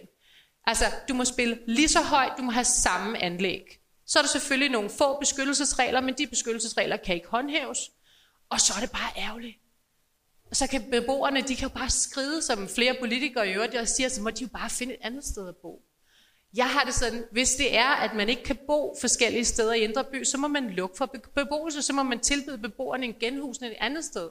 Altså det nytter jo ikke noget, at man som, som administration, bystyre, ikke, altså simpelthen nægter at håndhæve øh, beskyttelsesreglerne. I min egen, jeg giver et rigtig godt eksempel, i min egen bygning, der har vi en øh, bar i kælderen, barn øh, spiller noget musik, så siger jeg til kommunen, gider I ikke at sende mig øh, den her tilladelse, I har givet til det her anlæg? Så sender de mig det, og så står der så, øh, og det her det er jo altså beskyttelsesregler, det vil sige, det, de er til for at beskytte beboere, øh, så står der, at øh, tilladelsen er givet på forudsætning af, at der ikke bor nogen i ejendommen. Men der er masser af mennesker i ejendommen. Der er børnefamilier, der er alle mulige andre. Så siger jeg så til kommunen, skulle I ikke bede Rambøl om at lave en anden godkendelse, fordi det er jo klart, at den er lavet på for, for, øh, for, for, altså forkerte forudsætninger, på øh, forkerte vilkår. Ah, det synes, vi er, det synes vi er så meget, det behøver de ikke. Og sådan er det. Altså, det er det glade, vanvid, totalt ravne rock. Nu får du ordet. Jo, tak. Øh, jamen for at være en lille smule positiv, øh, Jeppe, så ja, nu, nu hørte jeg lige snakke om detailhandlen, men, men det er jo et af de forslag, som, som øh, vi i hvert fald også har talt med Horesta om, øh, at, at, øh, at beboerne går i den grad også ind for, at både er aldersgrænsen for at købe alkohol, det er jo helt vanvittigt, at man skal være 18 år for at komme ind på en af, af barerne, men man kan gå ned i 7-Eleven og købe, købe alkohol døgnet rundt, øh, hvis man er 16. Så for det første sætte den op til 18 øh, alderen, og så for det andet øh, lukke simpelthen de butikker, altså eller lukke salget af alkohol i nattetimerne, og det kunne vi jo se under corona, det kan sagtens lade sig gøre. Altså, 7-Eleven øh, lukkede ikke, fordi de i den tid måtte, måtte hive et gardin ned foran deres øh, ølskab osv. Så, øh, så det er i hvert fald en af de ting, vi, vi, vi forhåbentlig kan arbejde sammen om. Og så vil jeg så sige til, til de, jeres andre forslag, for det er rigtigt, DRC har lavet sammen med af 15 forslag til at nedbringe generne fra nattelivet. Hvis man kigger på dem, så, øh, så kan man se, at, at øh, der er faktisk ikke nogen af dem, I skal gøre noget. Jo, hvis, hvis I får noget øget udserveringstilladelse, så vil I måske gerne gøre lidt mere rent efter jer selv. Men ellers er alle de, alle de andre forslag, er noget politiet skal gøre, eller noget kommunen skal gøre, eller noget borgerne skal gøre, eller noget beboerne osv. Øh, så, så det synes jeg ikke heller er, er den mest sådan fremstrakte hånd til, til rent faktisk, når vi nu sidder her og kan dokumentere, at det er antallet af bevillinger, der, der faktisk, det kan vi se på alle statistikker, både kommunens og politiets, at, at I så slet ikke vil tale om det. Og, og igen kan vi sige specielt om, om natten. Øh, vi, vi, vi talte engang med, med ejeren af hele det her rekom, og han sagde, at i Norge, der lukker alle barne klokken 3, og så, så sagde vi, at vi lige være med til det, at man lukker tidligere. Så sagde han, ja, hvis alle skulle gøre det, så kunne man godt. Vi så under corona øh, en bar i studiestrædet, at han sagde, fordi det var da de lukkede kl. 12, jamen alle hans gæster kom, det var stadig de samme gæster, Hansens stamsted, de kom bare tidligere, og de havde det bedre, og hans personale havde, havde det bedre. Så hvis man nu kunne øh, blive enige om det for eksempel, og så vil jeg sige, at, at øh, et af de forslag, I har, øh, Jeppe, det er jo øh, endnu flere natteværter, og der er jo så lige blevet bevilget svimlende halvanden million, så der kan komme to mere øh, i København. Øh, og, og det er rigtigt, det er en inspiration fra Amsterdam, men øh, der var et oplæg fra en af de, det der hedder nattelivsborgmester dernede, der tidligere, øh, og som fortalte, at hvis I kender Amsterdam, Rheinbrennplejen er sådan meget stor på Røds, størrelse med Rådspladsen, og der ligger bar og restauranter hele vejen rundt. Og der fortalte han meget stolt, hvordan natteværterne havde været med til at nedbringe både kriminalitet og gener med 40-45 procent. Så sagde han, hvor mange natteværter er der så i sådan en weekend? Jamen, der er 28 hver nat. Og i København har vi to, der går ud sammen øh, og dækker hele øh, middelalderbyen. Så, så, så det, er jo, det, er jo, altså det er jo fint med alle de der gode forslag, som bare er fuldstændig urealistiske, når der ikke kommer penge med og, og, og vilje bag det. Så øh, ja, tak skal Ja, og nu, vi har jo en lidt presset tidsplan. Uh, Jeppe får lige om et øjeblik. Jeg skal lige høre om Jens Korning. Har du noget, du vil kaste ind? Eller? Jeg tror, det er lidt for langt ude i kanten til. Lad os hellere høre, hvad... Okay, så får Jeppe ordet, og så vi har stadig lidt tid, og har stadig mulighed for salen. Værsgo, Jeppe.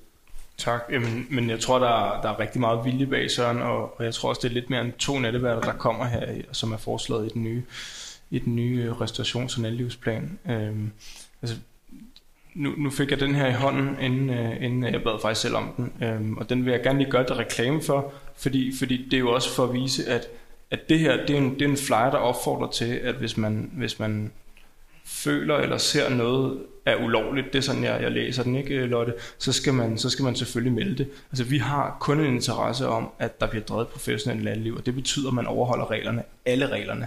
Øhm, og det er både på støj, og det er på bevillinger, og det er på servering til, til, til, til gæster og så videre, så videre, så videre. Men, men, men, men jeg kan heller ikke lade med at falde over retorikken, fordi der står, husk, at de mennesker, du svarer på, på telefonen, ikke er din fjende. Men, men så kan man næsten slutte modsætningsvis, at, at nattelivet så er, er, er fjenden for, for dem, der ringer ind og brokker sig. Øh, og, og det er måske det, der kendetegner meget den, den dialog og debat, vi har på tværs af, af interesserne, det er, at, at det er blevet meget fjendsk. Og, og, og, og Søren, den her, den her, den her fempunktsplan laver vi jo ikke for at, at flytte ansvaret for os selv. Øh, vi laver den for at komme med nogle løsninger. Nu er den lavet øh, øh, i 2020, så vidt jeg husker, og, og efterfølgende er der kommet et, et, et, et høringssvar fra, fra flere organisationer, der opfordrer til, at der kommer, der kommer en, en del tiltag, der er ret meget vilje bag. Vi medfinansierer selv sammen med, med, med Rekom øh, en et beløb til natteværterne.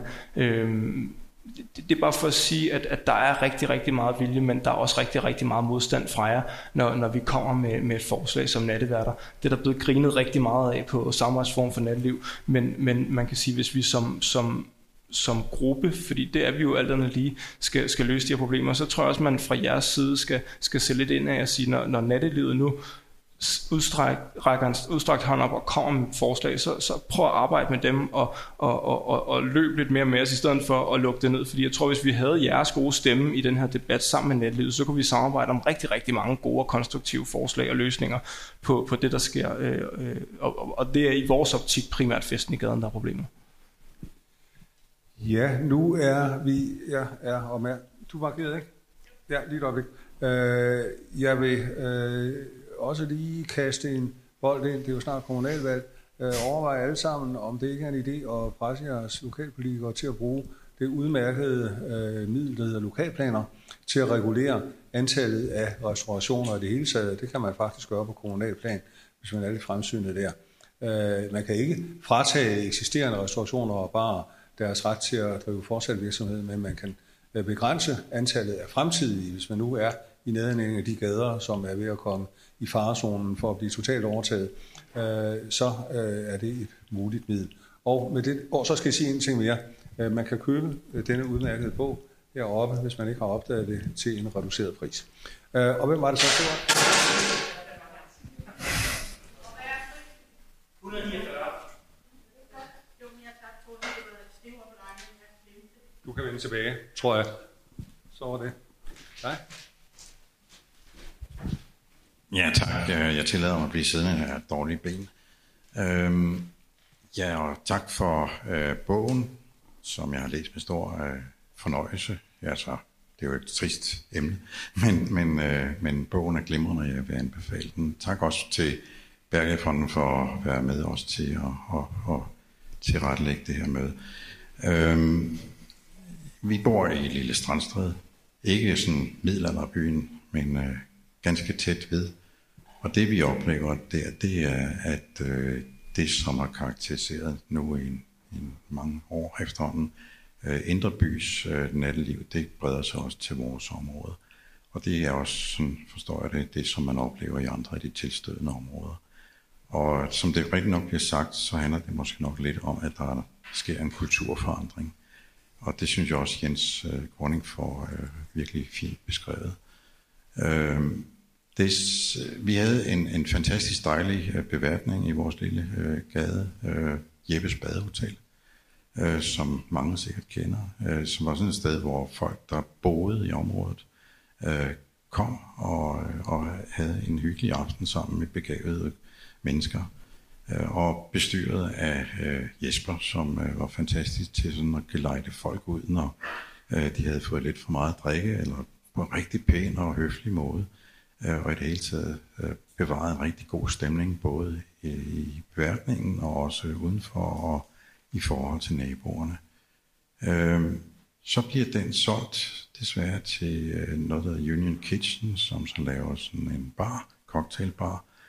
Og hvad er det så, vi oplever? Så oplever vi for eksempel, at øh, der er nogle dame, der falder om i gaden og er fuldstændig bevidstløs og druk. Hvordan er hun blevet så fuld? Der må være nogen, der har glemt at overvåge, hvor mange drinks hun skulle have. Øh, vi oplever, at der kommer en ung dame med sin fyr i en lille bil, som hun har højt øh, proklamerer er blevet lånt af moren. Jeg stiller den på skrå i byen, øh, i gaden, og, øh, og så øh, tager øh, sammen med fyren øh, en bane kokain på en mobiltelefon, inden de går ned i baren. Bilen står der stadigvæk, da vi går i seng, og den næste morgen så er den væk. Jeg ved ikke, hvordan den er kørt væk. Øhm, der er altså nogen af dine medlemmer, Jeppe, der ikke forstår at håndtere deres opgave ordentligt. Vi er også, når vi er blevet øh, for belastet og gået ned og sagt noget, eller gået over til Union Kitchen og sagt noget, så er vi blevet mødt med noget, som jeg kalder decideret intimidering, grænsende til trusler.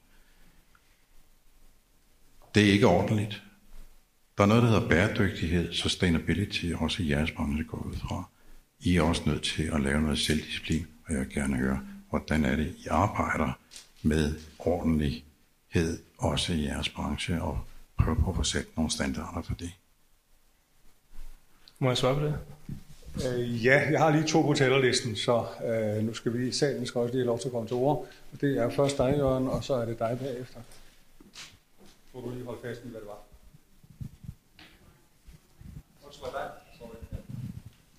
Hej, goddag, jeg hedder Jørgen.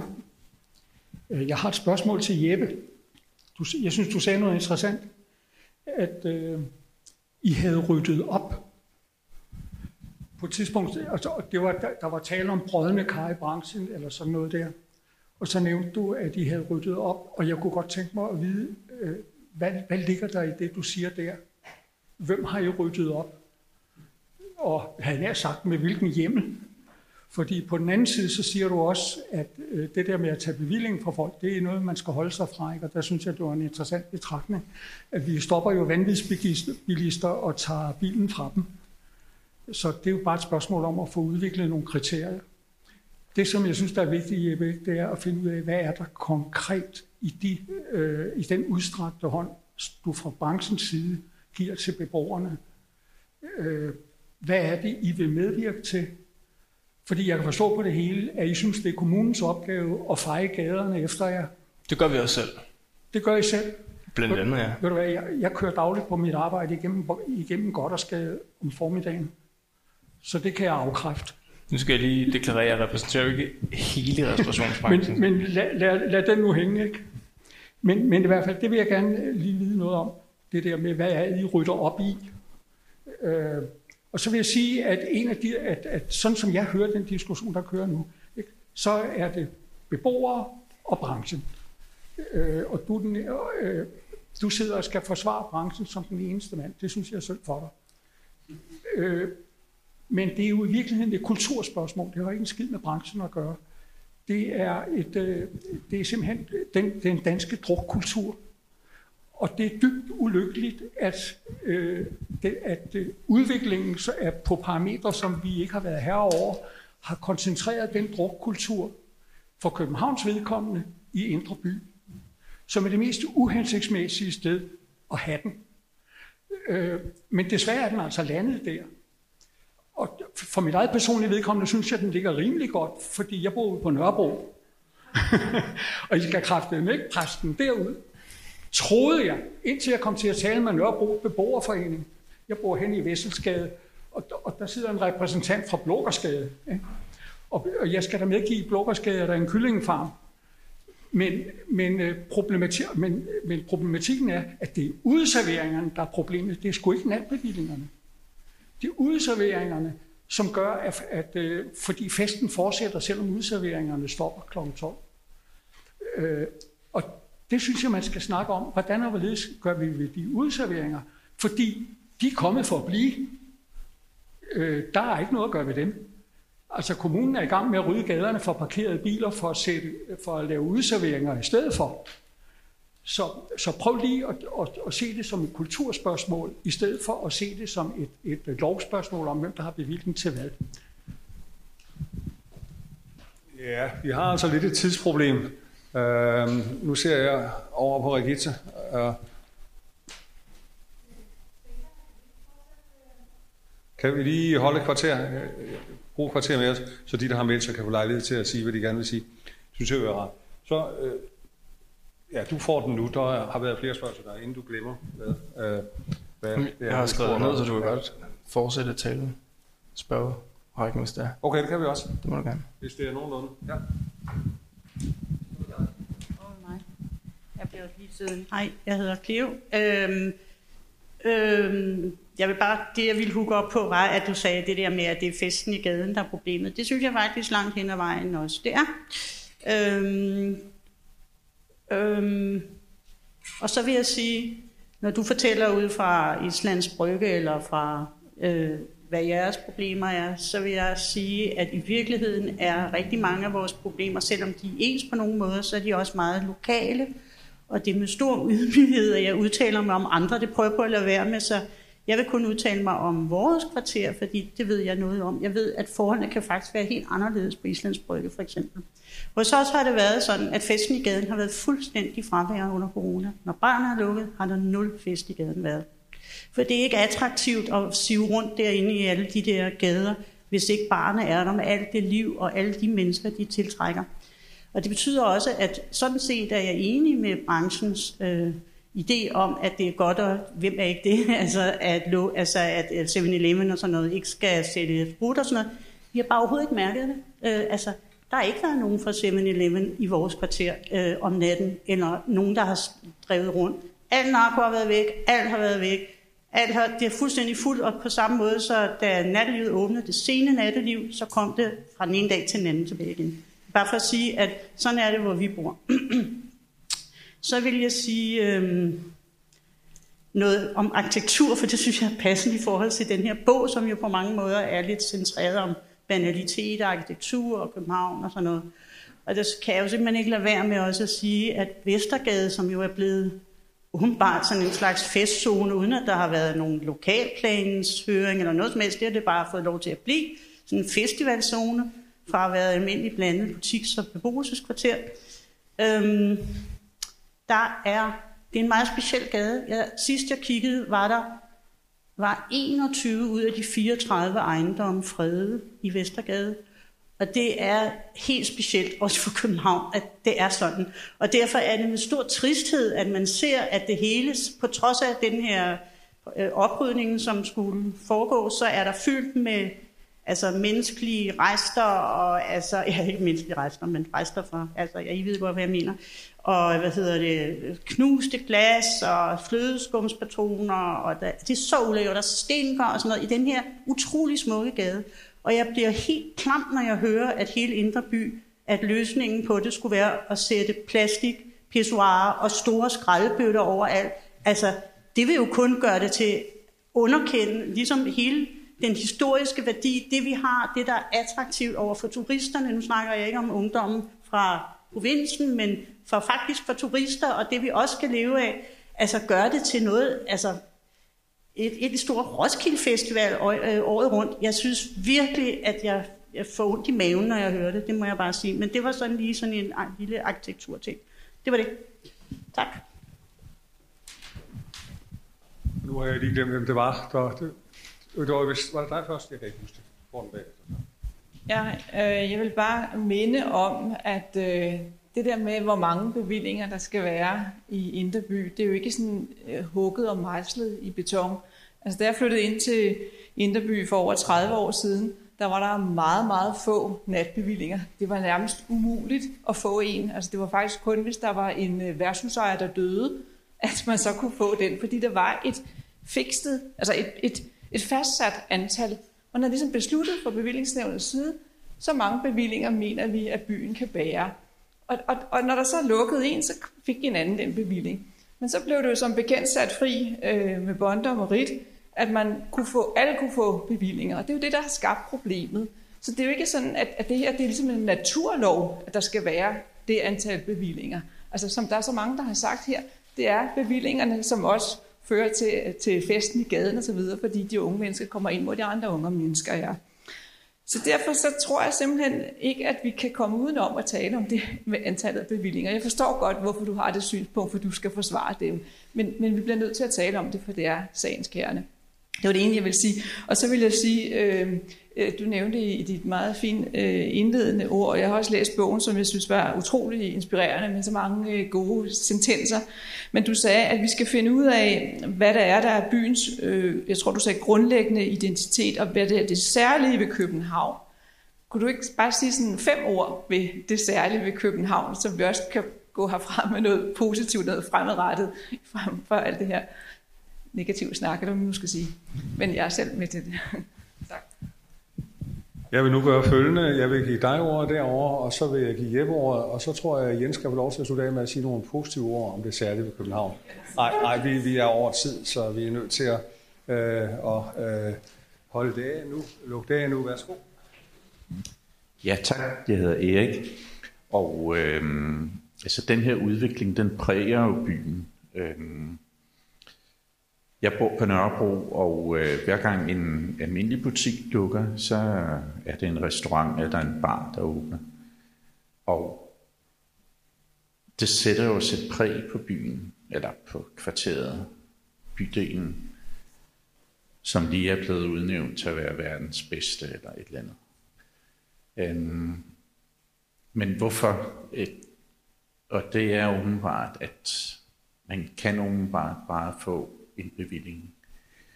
De bliver spredt ud med løs hånd, øh, og der er penge i det åbenbart. Øh, og kommunen har jo sørget for, at, at når man har et værtshus, så har man også hele øh, forgrunden til at lave værtshus. Så øh, udover selve lokalet, så har man jo hele uderummet også til at tjene penge på.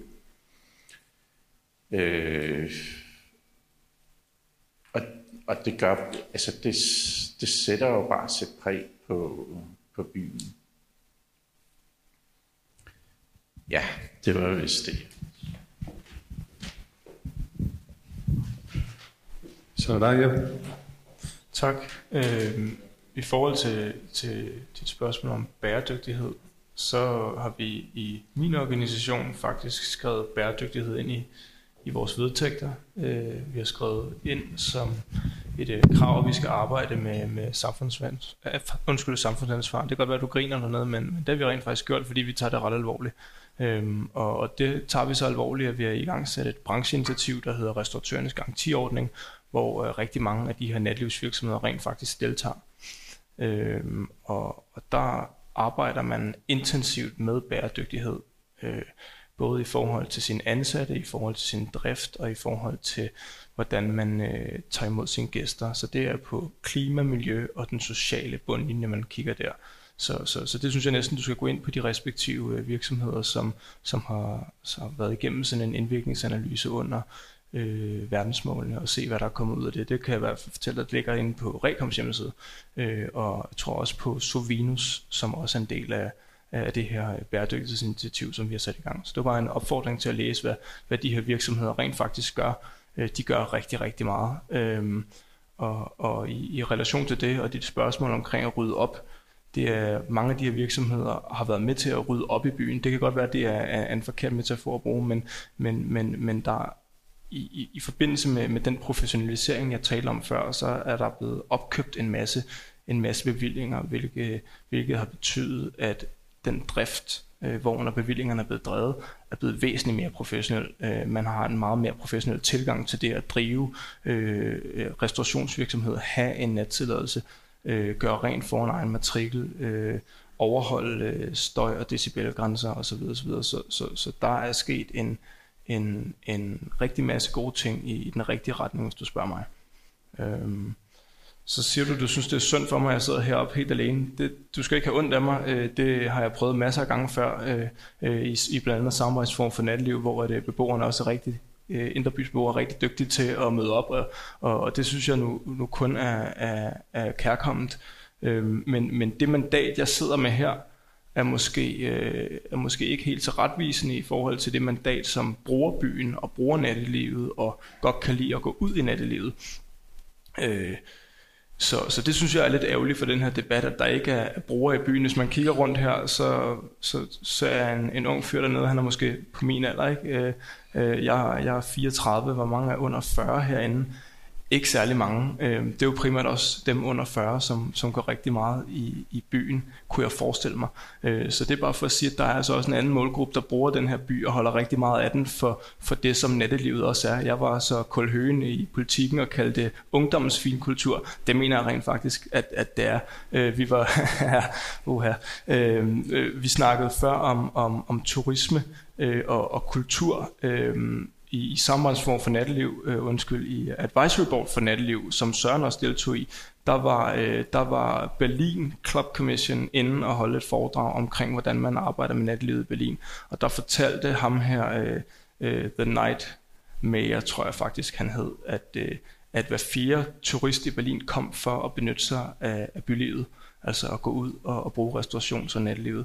Øh, det var for et billede af, at det kan altså godt være en kultur for nogen, øh, det her, selvom at, øh, der bliver vendt øjne ned på rækkerne, så, så, så er det også en, en præmis, jeg synes, vi skal lægge ind i, i, i det her, øh, fordi det, det er vigtigt, at, at, at lige så forhat jeg kan høre, at, at, at bevillingerne er lige så elskede, at det altså også er nogle andre, så, så det er bare en væsentlig pointe at tage med. Ja, og som sagt har vi en, øh, en bagkant, så øh, jeg tror, at jeg vil give ordet til en af forfatterne, Jens, for lige at øh, få øh, noget positivt ind om, hvad der er det særlige ved København, som det er ved at kæmpe for, så vi har noget rart at gå hjem med. Værsgo, Jens. Så vil jeg tillade mig at støtte mig op af nogle udlændinge, fordi altså jeg har, i de mange år, jeg var professor, der har jeg også haft rigtig mange udenlandske gæster på besøg, som jeg skulle vise rundt. Og det de alle sammen, næsten alle sammen har sagt, det er, at kvaliteten i København er, at den er afslappet tilbagelæggende, den har en enorm velbevaret bygningsmasse, med den måde, vi bruger den på. Altså de sociale miljøer, vi opbygger i vores byrum, er afslappede og rare at være i. At det er den grundlæggende kvalitet, der er blevet beskrevet. Det er meget sjovt. Der var, tror jeg, i politikken den samme uge to interviews. Øh, der var et interview med den, den afgående franske ambassadør, ham, der rejste herfra, øh, og som var med derude på Østerbro i forfærdelige. Han beskrev København som den helt afgørende kvalitet. Det var den afslappede, afdæmpede øh, kultur, der herskede. Og det begynder jo altså at møde det her ret meget, fordi det, altså meget af det, I siger, og jeg også oplever, det er jo altså, vi er i en form for kulturel opstramning, hvor, hvor det bliver vildere og vildere.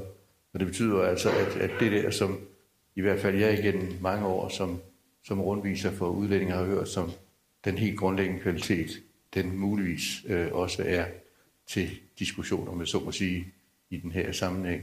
Og jeg glemte at sige den anden, der kom der blev interviewet i politikken, det var faktisk store Claus Meier, der kom hjem fra USA, og hans banegård der, og sagde præcis det samme som fransk ambassadør. Det er fantastisk at komme hjem til den her provincielle, og provinciel mener jeg som noget godt, sagde han. Noget, altså en afslappet by. Og det er jo nok vores store kvalitet, og så vil jeg gerne tillade mig, og må jeg misbruge mit ord to sekunder, fordi det kommer så tilbage, synes jeg, til den der, din professionalisering af branchen, ikke? Fordi jeg mener, at professionalisering af branchen, du har uden tvivl ret, jeg har faktisk en forhedtid som 3-4 år som anpartshaver i, en, i et værtshus, meget succesfuldt værtshus. Det var et uheld. Men, øh, men der lærte jeg meget om, hvor mange sorte penge der er, ikke? og på den, på den måde er der ingen tvivl om, at, at du har ret i, at, at der er en form for oprydning, men der er også en form for ensartetgørelse. Og det mener jeg altså, at den anden side af det, der sker, at der sker en enorm banalisering i form af ensartetgørelse af restaurationskoncepterne, som jeg mener modvirker det, der bliver beskrevet som det særlige ved København.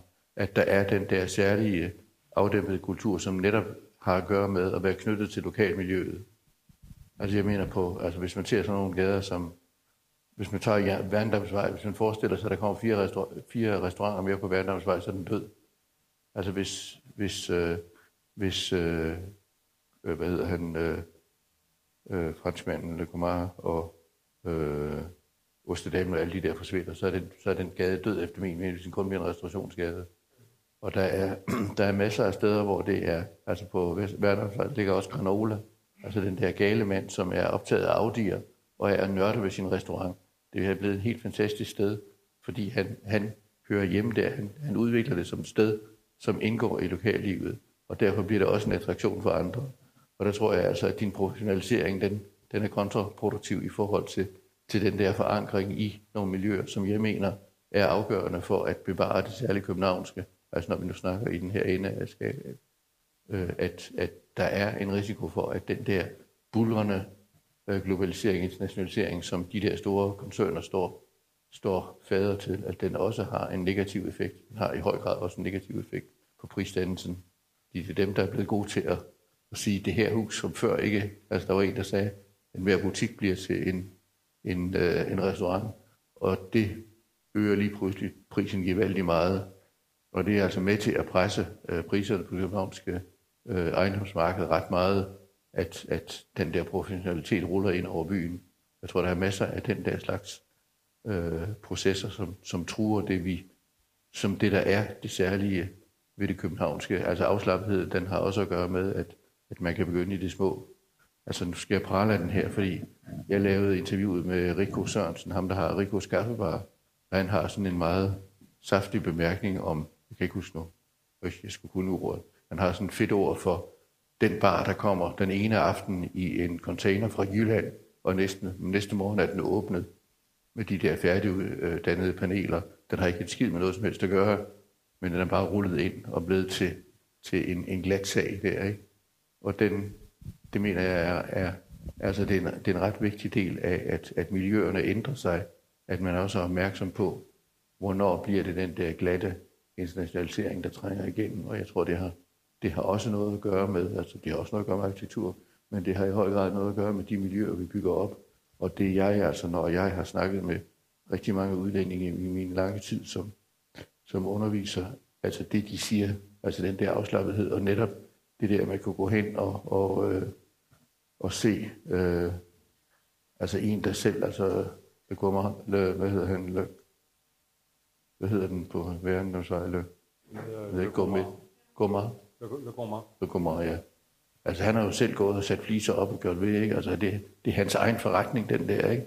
Og den, han er jo i den grad, en, altså den der superkobling mellem et lokalt miljø, altså nogen, der kommer og stamgæster, og, nogen, der, og derfor bliver den også en fantastisk sted i, på Verdensvej, ikke? Og, og det, den der evne til, og det er jo det, der, der har karakteriseret, øh, mener jeg, brugkvarsererne, at, at de, de tilbød ligesom de der muligheder og i mine øjne var, altså var med til at, at vedligeholde det der det afslappede København, som jeg er bange for, at din professionalisering altså er ved at lægge ned. Ja, nu... Undskyld, øh, jeg anerkender, at, at de er dygtige. Det er slet ikke det. Ja. Men jeg tror altså, det har den der dimension også. Selvom, selvom det var en bold tilbage til Jeppe, så tror jeg desværre, vi er nødt til at runde af her og øh, sige tak for i aften, og tak for indlæggene, og tak for en god debat og øh, køb bogen øh, og øh, have en dejlig aften ude i nattelivet.